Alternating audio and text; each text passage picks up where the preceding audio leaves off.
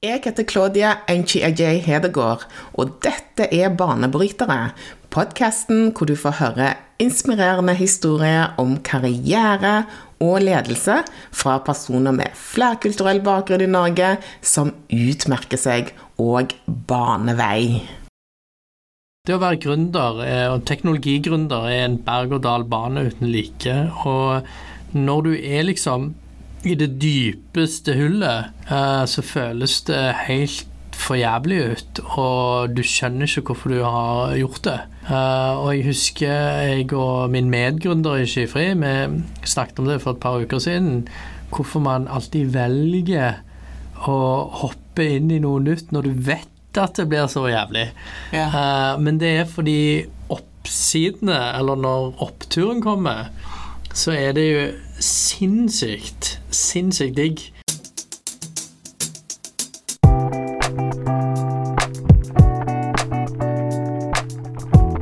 Vi kickstarter det nye året med Murshid Ali, en seriegründer som inspirerer utrolig mange.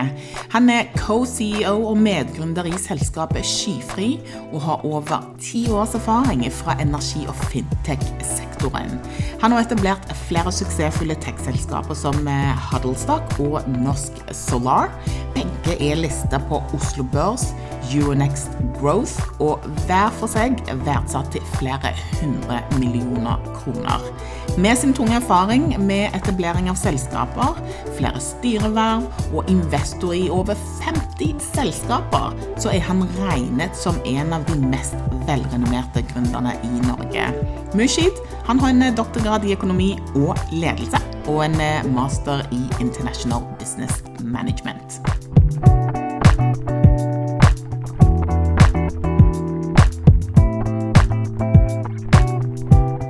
Velkommen til banebryterne, Mushid. Takk. Er det Mushid? Ja, cirka. Hvordan er det du uttaler det? da? Jeg vet ikke. eh, Folk på Stavanger sier Murshid med skarre-r. eh, Og når jeg bodde i Trondheim, så sa de Mushid, for de klarte ikke å si skarre-r-en. Så jeg er forvirra selv. Du er forvirra sjøl? Ja. Ja. Det er litt rart med det der greiene. Ja, det er det. Ja. Sånn er det. Sånn er det. Men eh, velkommen skal du være til Banebrytere. Det er utrolig hyggelig å ha deg eh, her i dag. Eh, vi har veldig mye å snakke om. Og eh, jeg har jo eh, vært eh, superinspirert av deg, så jeg gleder meg til å bare pick your brain. Blir du litt sånn flau nå når jeg sier det? Ja, bare hyggelig. Bare hyggelig. Kjekt å være her. Setter pris på eh, å bli invitert.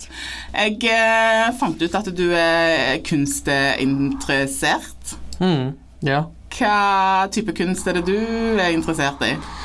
Jeg har vært kunstinteressert lenge. Jeg dulta litt oppi det gjennom eh, kamerater som eh, har studert kunst og er kurator og den type ting. Og så ble jeg eksponert for et miljø i Berlin. Yeah. Uh, Ungt kunstkollektiv med bl.a. Uh, Markus Eek, en svensk kunstner. Olli Pippo, han er vel sjef for Helsinki Contemporary i dag.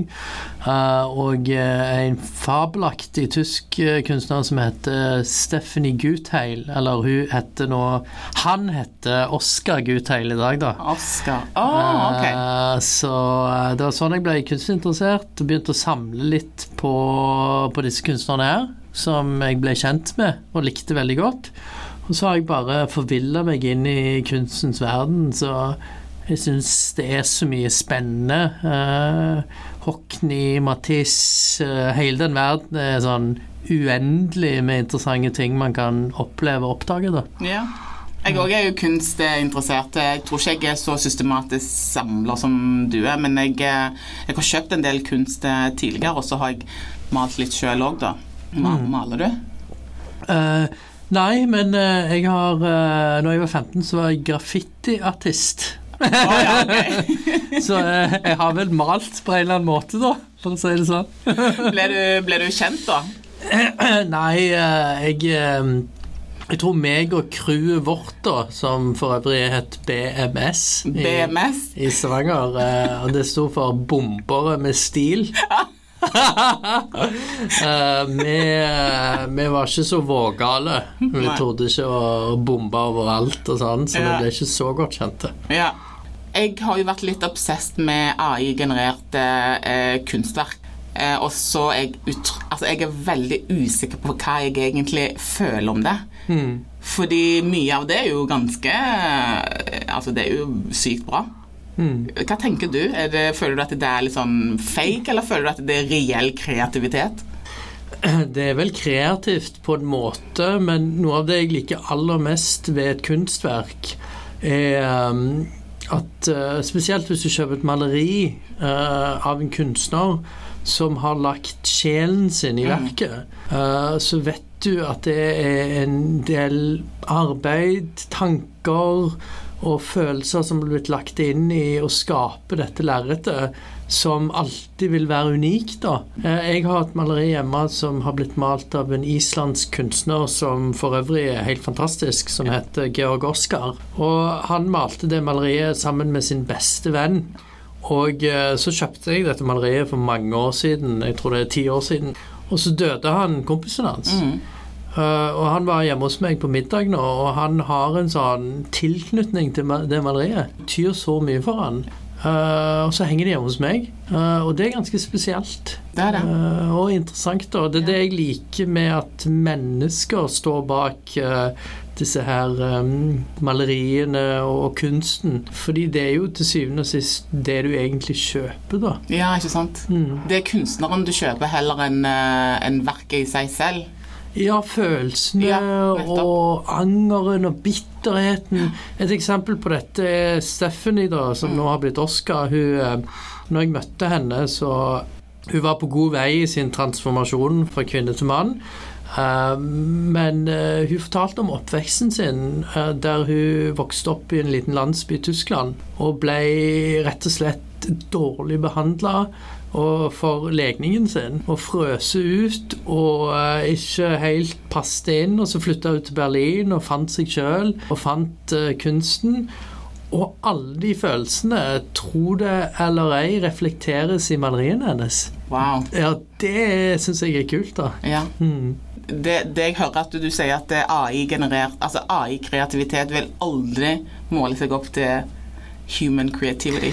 Jeg er jo en teknolog til hjertet, eh, men jeg tror jo at noe av det vakreste ved mennesket er å skape ting og følelser og bare menneske som av natur er menneske, da, på godt og vondt.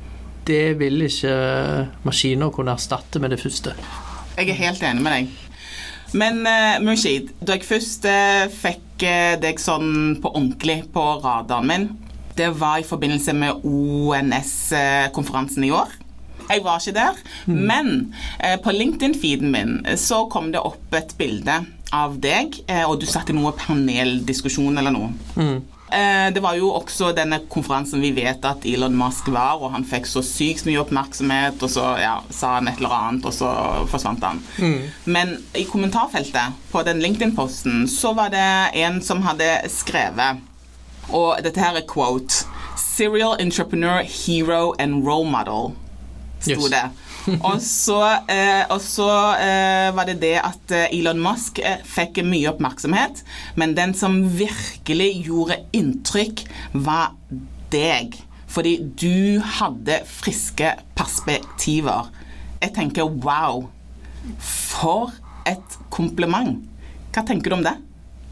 Ja, jeg tenker, tenker det er veldig kjekt å høre. Ja. Eh, men òg veldig overveldende, da. Så Ja. ja. Men visste du Fordi i gründermiljøet i eh, Norge, i hvert fall i Oslo, eh, så har jeg fått med meg at det er mange som ser opp til deg. Hvorfor, hvorfor tror du at du inspirerer så mange? Jeg, eh, jeg vet ikke. Jeg prøver å gjøre min greie og være så autentisk som mulig. Uh, uten å lage for mye styr rundt det.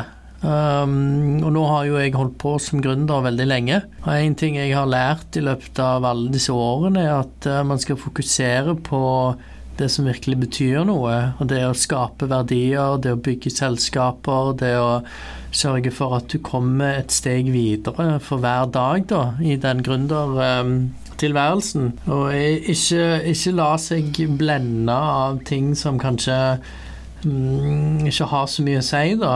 Enten det er mediedekning eller andre ting. Fordi eh, du kan være i avisen hver dag, men uh, det skaper ikke jobber i selskapene. Du må sitte der og gjøre det salget og få til de tingene, da. Så, ja. Men ser du på deg sjøl som et, et forbilde? Hvis du skulle være helt ærlig nå?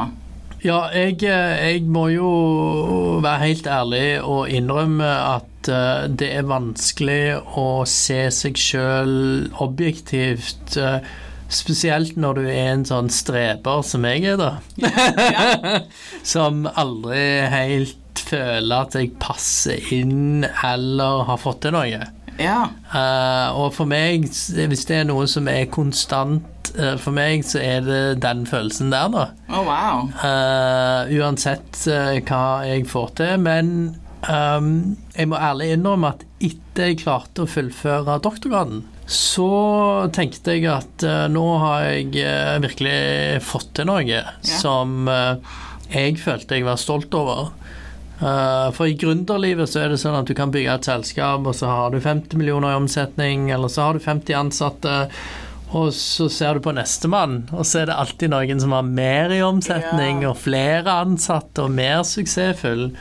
Um, så det blir nesten som et sånn evig kappløp, da. Uh, men hvis du klarer å hale i land en, en slags Sånn som så, uh, med doktorgraden, da. Mm. Du får til noe som virkelig òg er med på å sette punktum på akademia, da. Så for, for min del, da, så syns jeg at det var fortjente en klapp på skulderen for min egen del. Ja, Men er det fordi òg at eh, doktorgraden er på mange måter Der vet du at det, Altså, det er jo liksom sånn prestisjegrad. Eh, eh, så når du har det, så vet du at eh, uansett hvem du er, så forstår du at dette er en achievement, en mm. accomplishment. Mm.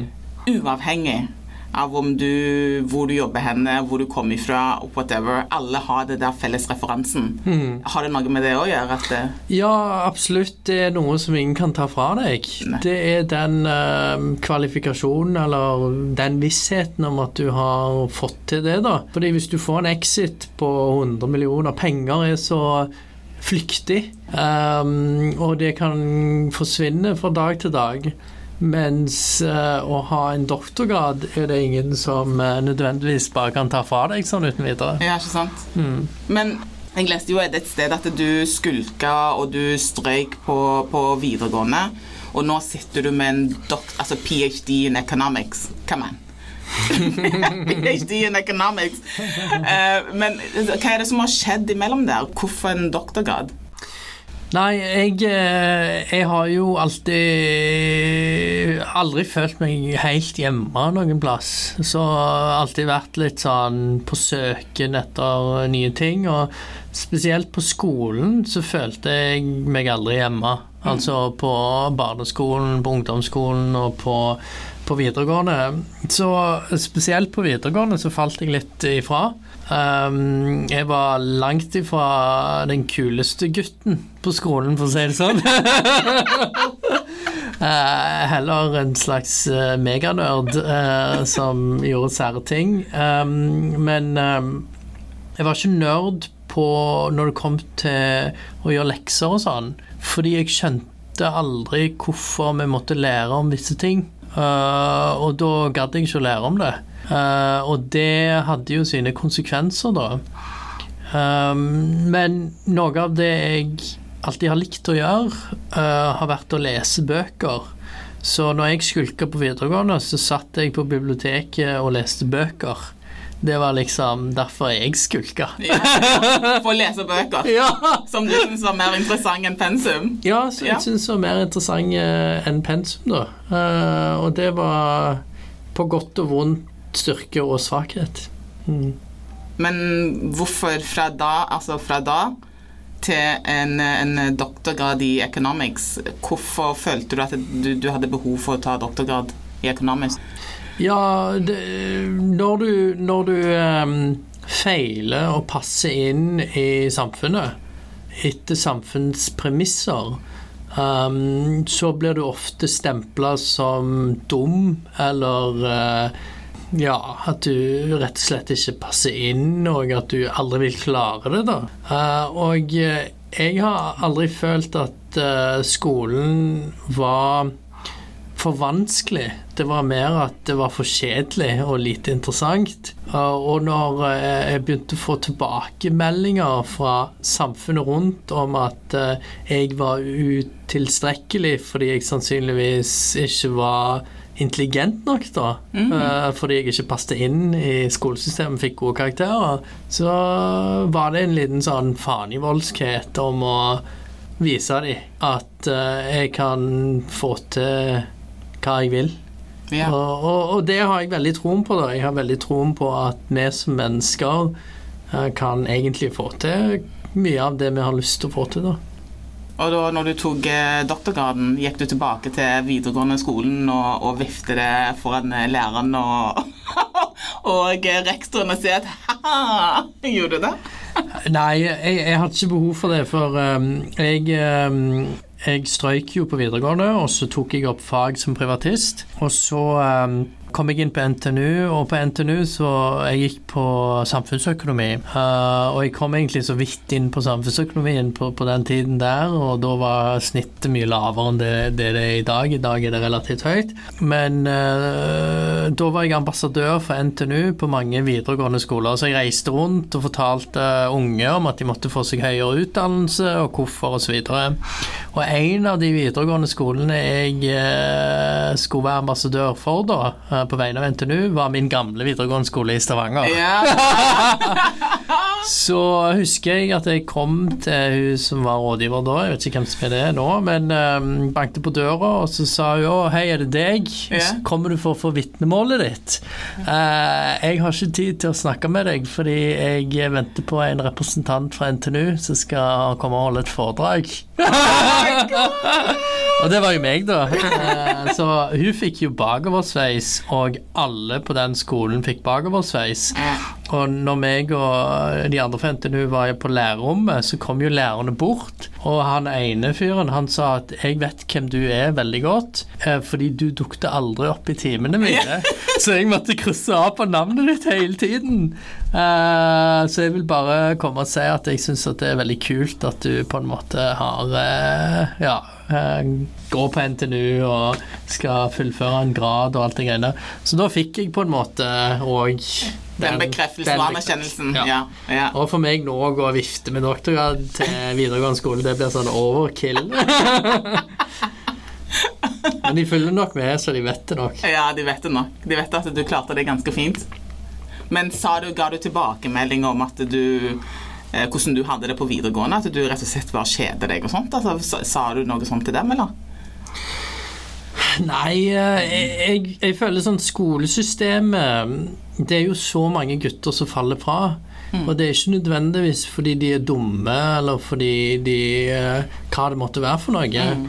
Men jeg tror hele det der skolesystemet, hvordan det er bygd opp og sånn, det må forandres og tilpasses. Og de må være flinkere til å plukke opp de som kjeder seg, og gi de oppgaver som gjør at de kan levere, da. Og være flinke på det de har lyst til å være flinke på. Ja, ikke sant? Mm. Så det er jo en eh, kjempebarriere for eh, mange som er superintelligente. At de rett og slett eh, kjeder seg. Ja, ma mange mennesker f.eks. som har ADHD, mm. som ikke klarer å sitte og lese en bok. Eh, de ble jo, før i tiden i hvert fall, så ble jo de stempla som ikke smarte. Men noen av de smarteste menneskene jeg kjenner, de har jo ADHD. Og, eh, så det går ikke an å trekke alt under en kam, og jeg føler at skolesystemet ofte gjør det. Så der har de en jobb å gjøre, tipper vi. Mm. Vi syns om det. Vi tipper det. Ja. Vi har en hypotese om det. Men du har jo Nå, nå er jo du et, et sted i, i, eh, din karriere og profesjonelle løp um, hvor en, eh, du har lykkes med å etablere flere selskaper. Eh, Huddlestock er jo en kjent, eh, kjent suksesshistorie. Og så har du også vært med og etablert Norsk Solar, og så nå er det Skyfri. Så det er jo mange selskaper du har vært med på å, å, å, å få på plass, da. Eh, og du har lykkes med det. Eh, så du er jo per definisjon en seriegründer. Hva er det som har drevet deg til å være med å etablere disse selskapene? Altså det ene etter det andre? Jeg vil si at det er fordi jeg på en måte aldri har følt at jeg liksom passer inn, da. Så eh, når jeg gjorde ferdig bachelorgraden min, så gjorde jeg ferdig en mastergrad, og så begynte jeg å jobbe. Og så følte jeg eh, Først så jobbet jeg i Utenriksdepartementet i, eh, på den norske ambassaden i Riyadh. Og der følte jeg at jeg i hvert fall ikke passet inn. Og så begynte jeg å jobbe som aksjemegler, eller fondsmegler på den tiden. Samme der. Og litt sånn kort i Aker. Og, og da følte jeg òg at jeg vil gjøre noe mer med livet mitt. Mm. Fordi livet går jo forbi i en sånn sinnssyk fart. Og så du står opp på mandagen, og så går du og legger deg, og så er det fredag. Og så tenkte jeg, skal jeg bruke tiden min på å gjøre ting jeg ikke har lyst til å gjøre? Eller skal jeg gjøre ting jeg har lyst til å gjøre? Uh, og jeg tror nok at det var min drivkraft. da, Det å ikke passe inn, og det å ha lyst til å gjøre ting som jeg har lyst til å gjøre, basically. Basically, mm. ja. For du har lyst til å bestemme din egen, eh, din, e, altså din egen tempo, men også din egen livsretning, nærmest. Ja, på en måte. Og så har jeg lyst til å forsøke å, å gjøre det kunstnerne klarer å gjøre, det altså skape ting som med følelser og, og med hele seg sjøl, som kan vokse og, og, bli noe, og mm. bli en realitet for andre, da. Og eh, jeg har jo sagt dette før i andre sammenhenger, men eh, for meg så har kunsten og entreprenørskapen, eller gründervirksomheten, spesielt teknologi gründervirksomhet um, har mye med og det å skape noe for ingenting, da. Ja. Mm. Jeg hører hva du sier, eh, Mushid, men uh, du starter jo det ene selskapet etter det andre. Og så når eh, selskapet begynner å gå bra, så er det sånn OK, da kan noen andre ta over, og så, og så drifte det. For eksempel Huddlestock er jo et godt eksempel. Nå er det noen andre som drifter det. Og så er mitt spørsmål da Er det, er det litt sånn addictive eh, å, å, være en gründer? Ja, det, det er nok det. Jeg det å være gründer og teknologigründer er en berg-og-dal-bane uten like.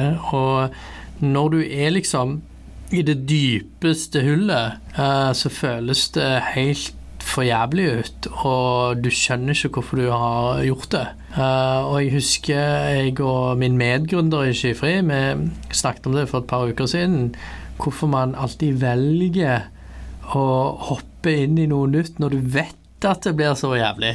Ja. Uh, men det er fordi oppsidene, eller når oppturen kommer, så er det jo sinnssykt, sinnssykt digg. Uh, så det er jo en slags sånn manisk, depressiv tilværelse, da.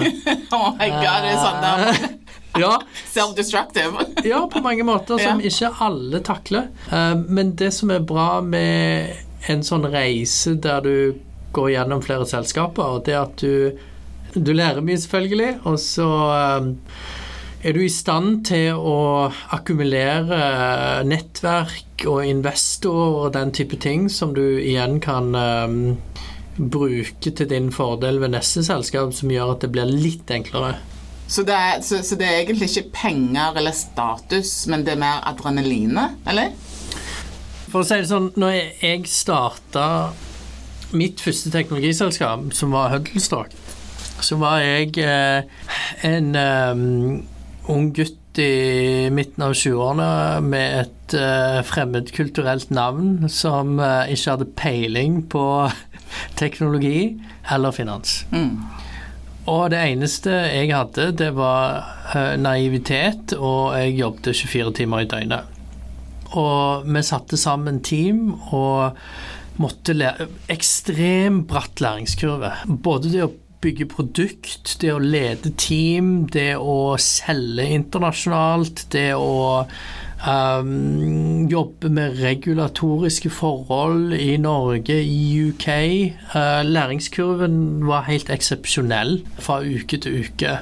Så for meg å, å ha bygd det selskapet der, og tatt det til et stadie hvor jeg føler at det går av seg sjøl nå, har vært en slags erfaring som kan tas med i et nytt selskap igjen, Mm. for å gjøre det fortere. Ja. Og når vi starta Norsk Solar, så var det den samme teamoppbyggingen. Helt annen industri, helt annen sektor. Um, men der gikk den reisen kortere enn det det gjorde med det første selskapet. Og nå med Skyfri så har det gått enda kortere igjen. Og det er den der akkumulerte kunnskapen både i forhold til å forstå hvem skal du ansette, hvordan skal du hente penger, hvordan skal du bygge selskapet, hvordan skal du sette opp eh, selskapet, hvor eh, hva alt mulig er, ligger der nå. Og da er det mye enklere å bare fortsette på den måten. Når, når du f.eks. Eh, hvis vi tar Huddlestock, da, som er kjempesuksess eh, Var liksom penger og status en del av eh, motivasjonen for å, å gjøre det til, eller var det, hva, hva var egentlig motivasjonen for å fortsette for, for å få det til å fly? Uh, når jeg begynte som gründer Når du har minoritetsbakgrunn, og du har uh, så, så har du et minoritetsmiljø der de fleste egentlig skjønner hva det er å være gründer. Og uh, alle skjønner det å jobbe i Aker og få en lønn. Så når jeg drev på for meg sjøl, så var det ingen som helt forsto liksom, ja, hvordan er det han tjener penger, og er det bare tull, liksom? Eh, så det var ikke status. Da var det det motsatte. Men jeg har liksom aldri eh, gjort mye av de tingene pga. status. Da er det mye mer du kan gjøre. Jeg kan gi et eh, ganske sånn raskt eksempel. Ja.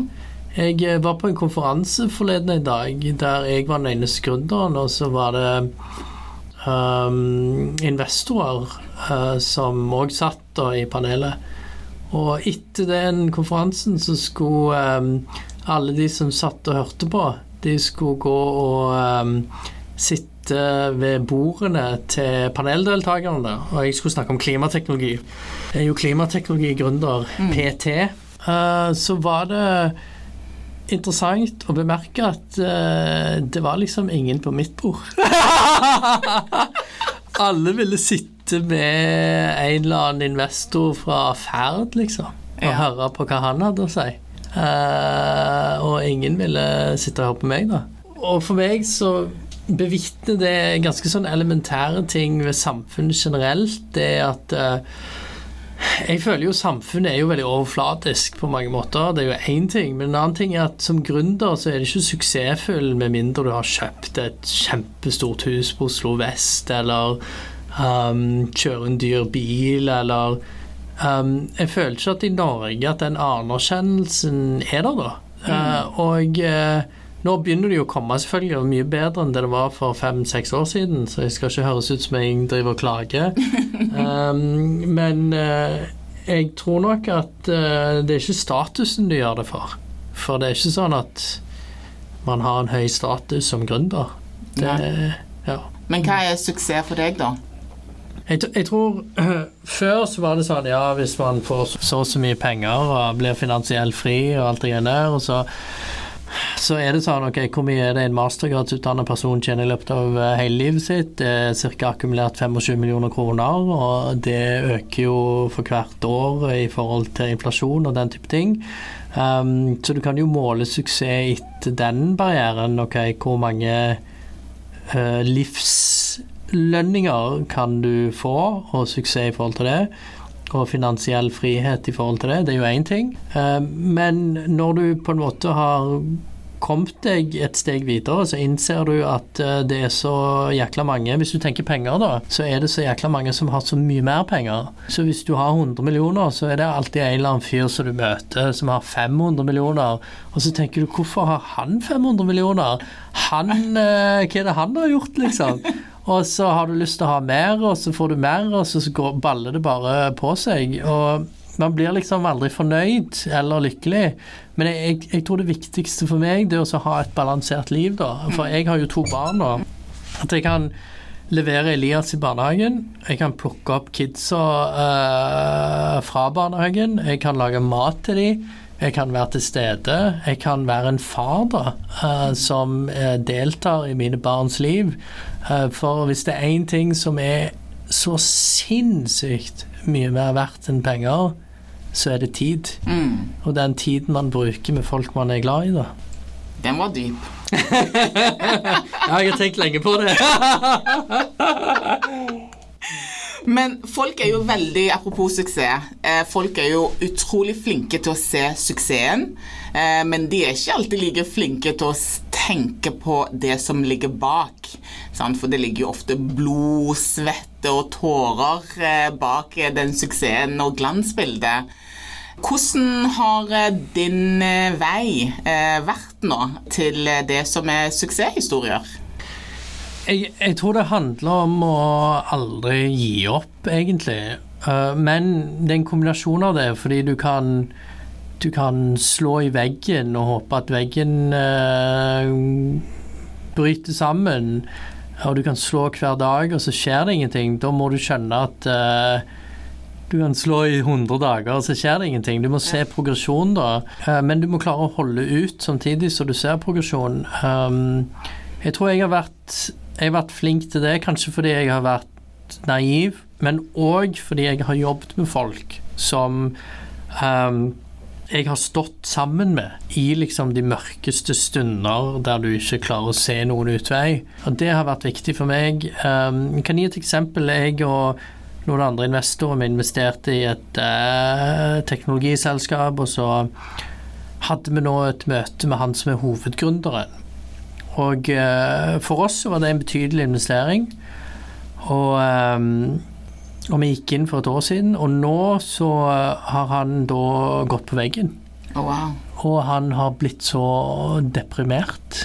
Okay. Og eh, han klarer ikke å komme seg opp igjen. Så han eh, klarer ikke å fortsette å være daglig leder og gründer av selskapet. Og da må vi som investorer enten ta over selskapet eller legge det ned. da. Han har holdt på i, i fire år. Og eh, for han så klarte han ikke å holde ut lenger. Og det, det må man ha respekt for òg, fordi det å være gründer er ekstremt tøft. Og det er bare de færreste som klarer å overleve denne, de ekstremt mørke stundene. Um, men det, det, det jeg tror jeg har vært heldig med, det er at jeg har jobbet med flinke folk, og at jeg ikke har vært borti en situasjon der eh, jeg tenker at nå Jo, jeg har vært borti mange sånne situasjoner, men jeg har liksom ikke gitt opp, da. Mm. Men hva er, det som, hva er det som gjør at du ikke har gitt opp i eh, de mørke stundene? Hvorfor ikke bare 'screw this'? Dette gidder jeg ikke mer. Ikke verdt det. Eh, For å være helt ærlig så tror jeg det handler om uh, grit. Det er noe med at man er så hardhuda at man klarer å overleve det meste. Men det handler òg om en, en god porsjon flaks. Fordi ofte så har man havna i en situasjon hvor f.eks. du kan gå konkurs, og du teknisk sett er konkurs en periode. Men så av et eller annet merkelig og flaks, da, så løser situasjonen seg. Og så finner man en løsning, og så snur man om på ting, og så blir det en suksess, da.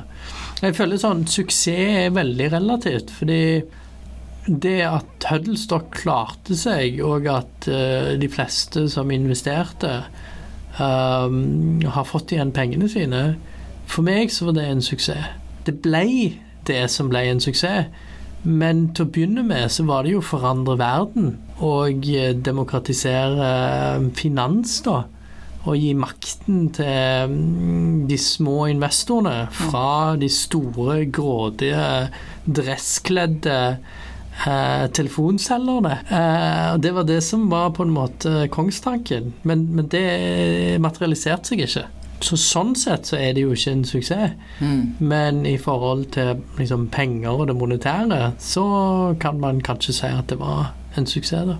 Hva er det Hurdles dere har vært nå? Var ikke det noe sånn 600, leste jeg? Ja, eh, nå har jo alt krasja fullstendig, men selskapet vel verdt 330 millioner på børs. Ok, Mm. så det er jo i hvert fall pengemonetær, men så er det jo suksess. Ja, så er det jo relativt igjen, fordi eh, Hva er suksess? Hva er suksess, og hvis du sammenligner det med, jeg vet ikke, Facebook Så alt er relativt. Alt er relativt. Mm. Men i dine øyne så er det, så er det suksess. Godt nok. Det er godt nok Det er godt nok for nå. for nå. Så får man ta og bygge videre på den erfaringen og Ja. bygge større selskaper. Ja, ikke sant? Men du var inne på dette her med, med det som kreves eh, for å være en, en gründer, hva som kreves av en. Er man født en gründer, tror du? Har man sånn gründergen, tror du? Eller kan man lære seg til det? Jeg tror jo at verden er et konstrukt. Uh, altså mange puslebiter som liksom uh, Tilfeldighetene har gjort at du sitter med den kortstokken som du sitter med når du ble født, og jeg sitter med den kortstokken jeg sitter med. Og tilfeldighetene gjør at man ble født i den familien eller den familien. Og det å være gründer tror jeg handler veldig mye om en god porsjon tilfeldigheter, flaks.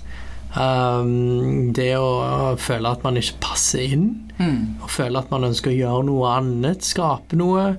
Uh, idioti, liksom. Det er en blanding av mye, men jeg tror at det kan læres, og at uh, de som virkelig vil, kan bli gründere.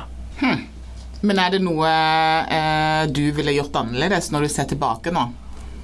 Er det noe du ville gjort annerledes? Ja, det er masse jeg ville gjort annerledes. Uh, og det er jo en del av uh, reisen, da. Og lærdommen, det at du blir bedre og lærer av alle feilene som har blitt gjort. Og når vi starta Huddlestock, så gjorde vi jo alt feil. Fra dag én. Og dag én som var da? Uh, det å dele ut aksjer i hytt og pine til absolutt alle som ville være med, og det at jeg Han tekniske co-founderen min, som òg har erfaring fra finans, jeg kjente jo han knapt. Jeg hadde møtt han på Island tre ganger. Og så ringte jeg til han så spurte jeg vil du være co-founder. Vi deler selskapet, meg, deg og Øyvind, som var den tredje founderen. Og så har vi ingen aksjonæravtale, ingenting. Vi bare setter i gang. uh, sånne type ting, da. yeah. uh, som uh, man lærer av. Er det andre ting du ville gjort annerledes? Ja, mm, det er masse. Alt fra hvordan man henter penger, hvordan man bruker penger, hvem man ansetter, um, hvilken strategi du har, type research du gjør før du setter i gang. Ganske mye. Det er en smørbrødliste. Men det som overrasker meg med hver gang eh, jeg starter et selskap, er at eh, du gjør alltid masse feil. Alltid. Du Men er ikke det nødvendig Jo, å gjøre masse feil for å kunne lære? ja, men du gjør ofte de samme feilene igjen og Ah. igjen, som er interessant, da. Eh, Det var jo interessant. ja, men eh, jeg tror det har, har litt med at uh, jeg liker å get shit done. Mm. Så jeg liker ikke å, å tenke for mye på å ansette noen eller ta beslutninger. Mm. Fordi jeg har mer tro på speed og fart Mm. enn å sitte og kokkelure over ting som eh, egentlig ikke har så stor, eh, stor betydning. Da. Mm. Men når du har fått til så mye som du har fått til, og selv om du, du eh, selvfølgelig Suksess er en construct, men du eh, Mange eh, opp, altså, ser på deg som en eh, suksessfull person. Eh, du har fått til veldig mye bra. Hvordan er det du holder deg sjøl litt grounded? Jeg, jeg tror jo på at um, vi mennesker vi er jo en slags avart, et intelligent dyr, da. Og uh, nå gikk brannalarmen i bygget vårt, og du kunne bare se rekken av mennesker bevege seg etter en person med gul vest, som om de var en flokk med sauer. uh, og jeg, jeg vi, vi er dessverre ikke noe bedre enn de sauene, fordi vi trigges av elementære ting. Vi gleder oss over elementære ting. Det eneste som kanskje er spesielt, ligger jo i kunsten, da, og det å skape nye ting. Og um, forskere som får til helt fantastiske ting. Det gir meg litt sånn håp. Um, men um, jeg lærte en ting når jeg var i Sør-Afrika, i Cape Town, i tidlig 20-årene. Så så var jeg eh, meg og en kompis Vi leide en bil Mm. fra en en, gammel mann som uh, hadde flytta til Cape Town fra Tyskland. Og han hadde solgt selskapet sitt, og så hadde han kjøpt masse gamle biler som han leide ut, Ja. og bare bodde i Cape Town. Og vi kom litt i snakk med han, og så sa han at han var gründer og CEO av um, et selskap som han hadde tatt på børs. Og så hadde han solgt det, og nå hadde han blitt pensjonist i Cape Town. Da. Sa jeg wow, det har jeg lyst til å gjøre, jeg òg. Og så sa han ja, bare gjør det. Uh, som om det var en selvfølge. Ja. Men så sa han men husk én ting. Gjennom hele den reisen så er alt falskt. Uh, menneskene vil være falske. Og uh, dette høres litt rart ut, men han sa at den dagen jeg gikk av som CEO, så var det ingen som ringte meg. Mm. Eller sendte meg eh, en melding og spurte hvordan jeg hadde det. Og mens jeg var CEO, så fikk jeg 20 telefoner i uken, og alle ville ta en kaffe og være venn med meg.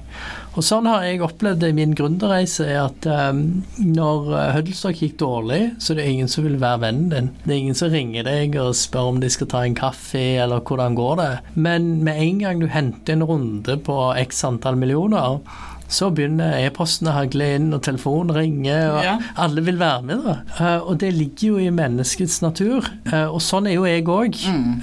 jeg òg trigges jo av at eh, andre, andre gjør det bra, den type ting. Men gjennom hele den reisen at man ikke glemmer da at på mange måter så er det ikke reelt. Det er bare eh, en del av livet akkurat der og da. ja. Så du klarer å holde deg sjøl grounded, med andre ord? Ja, jeg, jeg vil jo påstå det, eh, mens kona mi mener jo at etter jeg fikk den doktorgraden, så har jeg blitt litt blærete. Tenk å diskutere med deg rundt middagsbordet om økonomi. Herregud, hvordan, hvordan er du da? Nei, jeg, eh, jeg vil tro at jeg er en ganske stille type. Eh, Så jeg har ingen Det som er interessant når du tar en doktorgrad, jo mer du lærer om et fagfelt, jo mer innser du hvor lite Du du, kan. egentlig kan, ja, og vet. Ja. Så eh, jo mer jeg vet om økonomi nå, jo mer innser jeg hvor tull mye av teoriene er, da. Og hvor, hvor skikkelig uberegnelig alt er. Så for meg å ha sterke meninger om ting, det er mye vanskeligere nå. ja, Ikke sant? Men eh, ditt neste steg videre Nå eh, er du eh, Altså, Skyfri eh, jo, får jo mye oppmerksomhet fra deg og de andre som du jobber med. Men hva er neste steg nå? Uh, skyfri er jo hovedfokuset, men i neste måned så reiser jo jeg og familien til Singapore. Uh, og um, en del av det er å være der i første gang i tre måneder og oppleve verden fra et annet perspektiv. Og utvide forståelsen av å være menneske i et sånt land, da. Um, og, og lære av det, og bruke den lærdommen seinere. Det høres veldig spennende ut. Ja, jeg håper det, men uh, man vet jo aldri. Man vet jo aldri. Man vet jo aldri. Men eh, tusen takk, eh, Murshid, for at du eh, ville prate med meg i dag.